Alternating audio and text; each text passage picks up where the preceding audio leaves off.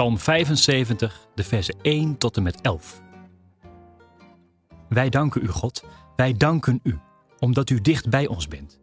Wij vertellen over uw wonderen. God zal eerlijk recht spreken op zijn eigen tijd. Als de aarde beeft en alle mensen bang zijn, houdt God de aarde vast. Tegen trotse mensen zegt God: Waarom vind je jezelf zo geweldig? Tegen slechte mensen zegt hij: Waarom vind je jezelf zo goed? Doe niet zo trots. Denk niet dat je de beste bent. Er komt geen redding uit het oosten, niet uit het westen en niet uit het zuiden. De redding komt van God. Hij is een eerlijke rechter. Aan sommige mensen geeft hij macht, maar anderen vernedert hij. De Heer zal slechte mensen op aarde straffen. Hij zal ze vernietigen, want hij is woedend. Wij zullen altijd over God vertellen. We zullen zingen over de God van Jacob.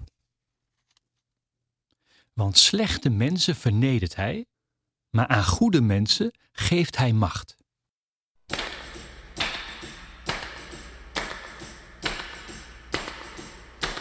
He's got the whole world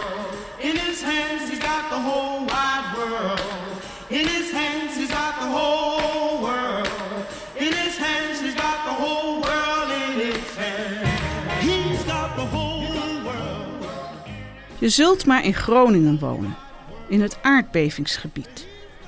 Hoe zou je dan naar deze woorden luisteren? Wat zou je denken als iemand tegen je zegt: Als de aarde beeft en alle mensen bang zijn, houdt God de aarde vast? Wat zou je denken? Ja, als de aarde beeft, dan zijn alle mensen bang. Dan gaan ze na de beving weer hun huis door, controleren welke scheuren groter zijn geworden, welke scheuren erbij zijn gekomen. Als de aarde beeft, dan zijn alle mensen bang en ook boos, steeds bozer, omdat er maar geen oplossing komt. Compensatie, nieuwe woningen, een veilig dak boven het hoofd, mooie grote beloften. Maar als de aarde beeft, dan zijn we alleen en alleen maar bang en boos.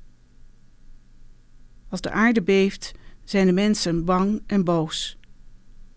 Zou er dan nog wel ruimte zijn voor een beetje geloof, een spoortje vertrouwen, voor God houdt de aarde vast? He's got the whole world in his hands. Maar wat wil je daar dan mee zeggen? Het beven wordt er niet minder op. God houdt de aarde vast. Ik zie het bijna voor me. Maar welke veiligheid geeft dat als de grond onder je voeten schudt en het dak boven je hoofd niet langer een veilige beschutting biedt, maar een dreigend gewicht wordt waar je onder terecht kan komen? Natuurlijk, het is een mooie gedachte dat God de aarde vasthoudt. Maar als je concreet bedreigd wordt in jouw bestaan, kun je dan nog schuilen in die troost? Lang geleden gaf het troost aan de slaven in Amerika. Ze maakten er hun eigen psalm van: He's got the whole world in his hands. Deze mensen, nee, de aarde beeft er niet onder hun voeten. Maar hun bestaan was er een van onderdrukking en vernedering. En in die situatie zochten ze schuilplaatsen in de liederen die ze zongen, liederen met revolutionaire kracht, leven reddend.